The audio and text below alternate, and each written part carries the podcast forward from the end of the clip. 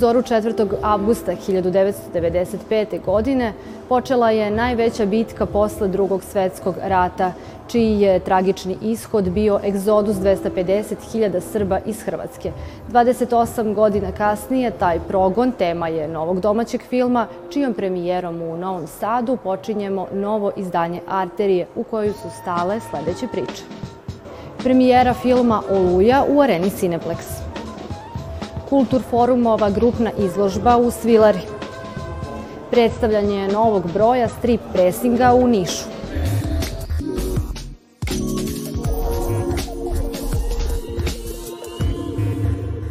Da su jadni, podkupljivi.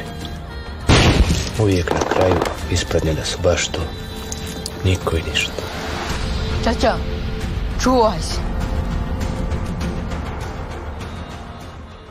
Zbog svoje tragične tematike premijera domaćeg filma Oluja, crnogorskog reditelja i scenarista Miloša Radunovića, ne izaziva radost kao što je to običaj kod drugih premijera. Iz toga nije za glamur i crveni tepih koji je ipak postavljen za doček autorske ekipe.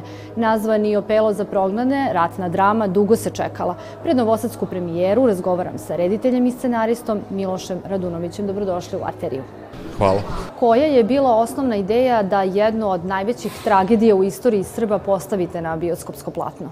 Ja sam AFM radio po pozivu producenata Vladimira Vlade Anđelkovića i Nemanja Mićića i sa zadovoljstvom se je prihvatio i eto, dobili smo što smo dobili.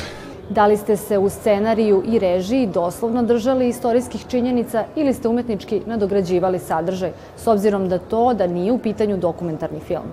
Uvijek morate ga dramatizovati, prilagoditi da bi to leglo u filmskoj priči, tako da naravno je dramatizovan. Jer ja sam, kad sam pisao scenario, napravio intervju sa, na primjer, 30 svedoka, a ne možete 30 glavnih junaka da imate, pa smo onda jednom junaku davali više svedočanstava, različitih. Baš je bio naporan film. Prvo je ovo nekako, jeste ovo ratna drama, ali je i road movie Znate, oni konstantno se pomjeraju, tako da smo svaki dan imali novu lokaciju. A to, ko, ko radi film zna koliko je naporno svaki dan se seliti. Radili smo u doba korone, poginuo nam je kolega na snimanje, nesrećnik Mili, tako da imali smo baš izazova. Na koji način se trudite da izbegnete ostrašćenost i optuživanja, a sačuvate istorijsku verodostojnost, računajući na mogućnost različitih reakcija? Ja sam se iskreno trudio da ovo bude ratni, antiratni film. Znate, ja mislim da je rat zlo. Tako da sam neđe čiste duše probat da prikažem patnju malog čovjeka koji je uvijek žrtva. E sad, ko će kako da ga tumači, to slobodno njima na volju. Hvala na razgovor. Hvala.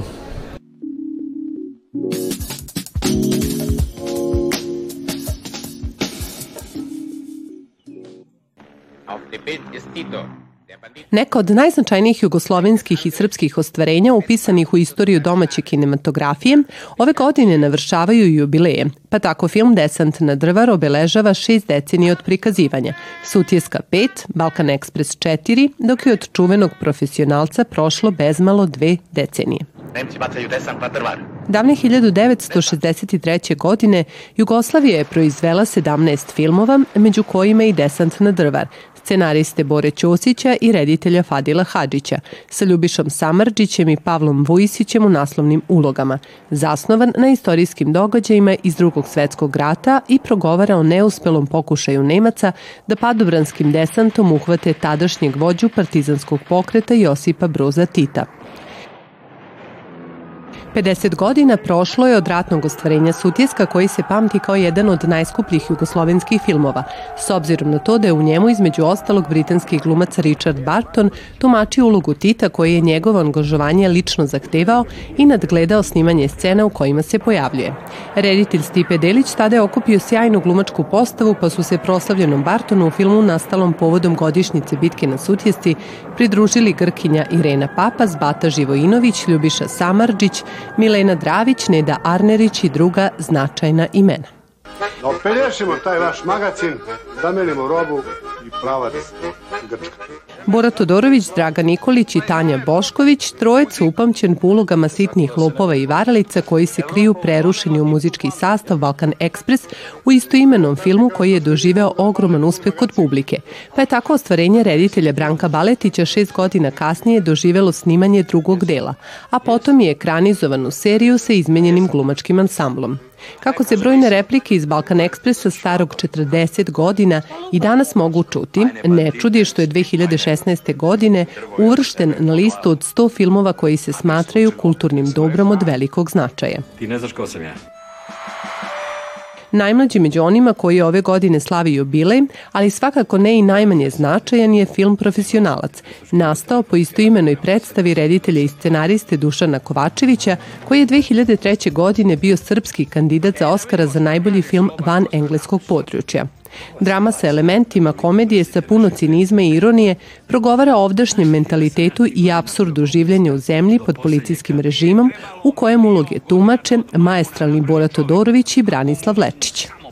Podsjetimo da se u ostvarenju ovenčanom nagradom za najbolji scenariju na Međunarodnom filmskom festivalu u Montrealu i drugom nagradom Međunarodnog udruženja filmskih kritičara pojavljuje Bajaga, koji je svojim notama oplemenio Kovačevićevo ostvarenjem i uneo dodatni šarm na već postojeći, kreiran kako zavidnim glumačkim ansamblom, tako i bezvremenskom pričom po meri i današnje publike. Ja sam bio samo profesionalac. U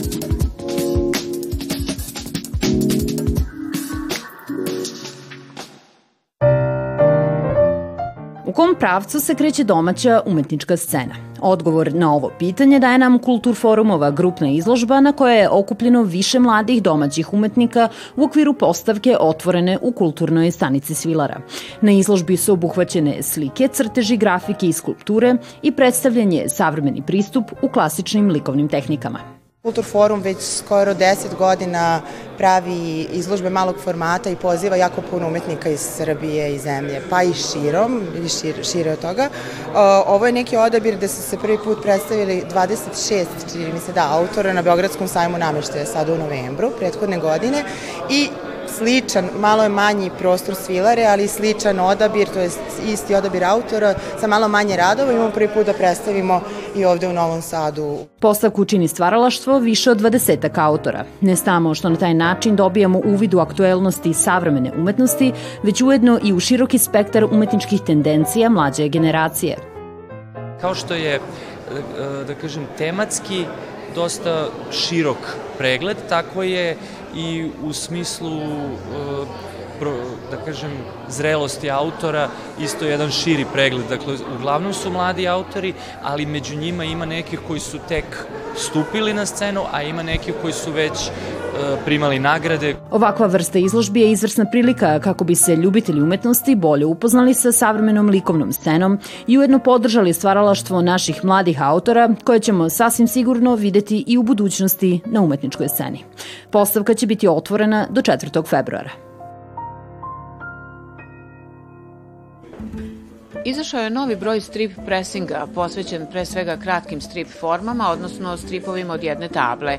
U ovom broju objavljeni su radovi 50 domaćih strip autora. Pa to je jedan specifičan broj jer je on posvećen strip minijaturama. To je i jedini ča, broj bilo kog strip časopisa koji je posvećen baš tim kratkim stripima od jedne strane, znači bukvalno svaki strip u njemu je strip od jedne strane. Tu su radovi nekih od najpoznatijih autora, svi su premijerni, neki od najpoznatijih autora sa prošloga bivše SFRJ, kao što su Mirko Ilić iz Novog kvadrata, kao što su Zoran Njetov, kao što su Goran Parlov, zatim popularni autori sad Dražan Kovačević, Dalibor Talajić, Matej Stić i naravno interesantni radovi mladih autora.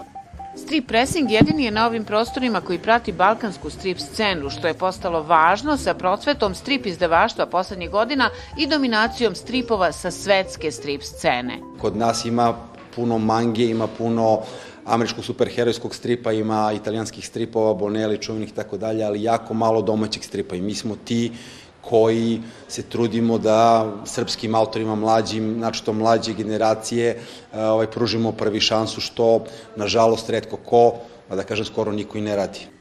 Strip Pressing je najstariji domaći strip časopis koji u kontinuitetu izlazi od 2001. godine. Do sada su objavljena 23 redovna broja i 3 specijalna izdanja. Izdavač je Studensko-informativno izdavački centar u Nišu. U znak sećanja na Bogojavljensku noć, noć kada je Đorđe Balašević tradicionalno držao koncerte u Novom Sadu, a poslednji je bio pre dve godine ispred kuće broj 33 u ulici Jovana Cvića, Fondacija Balašević organizovaće program na Bogojavljensku noć, nazvan po setnoj pesmi čuvenog kanta autora. Sa njom se opraštamo do sutrašnje arterije. Prijetno! Na Bogojavljensku noć Peku se kesteni, lome se pogače, a venci smokava i praporci se pokače. U prednjoj sobi mog baće, to je već navike moć. Bez slova poziva, društvo se sastalo, pod istom ikonom za crnim švapskim astalom, što pamti svadbe i daće. Redak sam gost u starom kraju. Al znam šta misle i u snu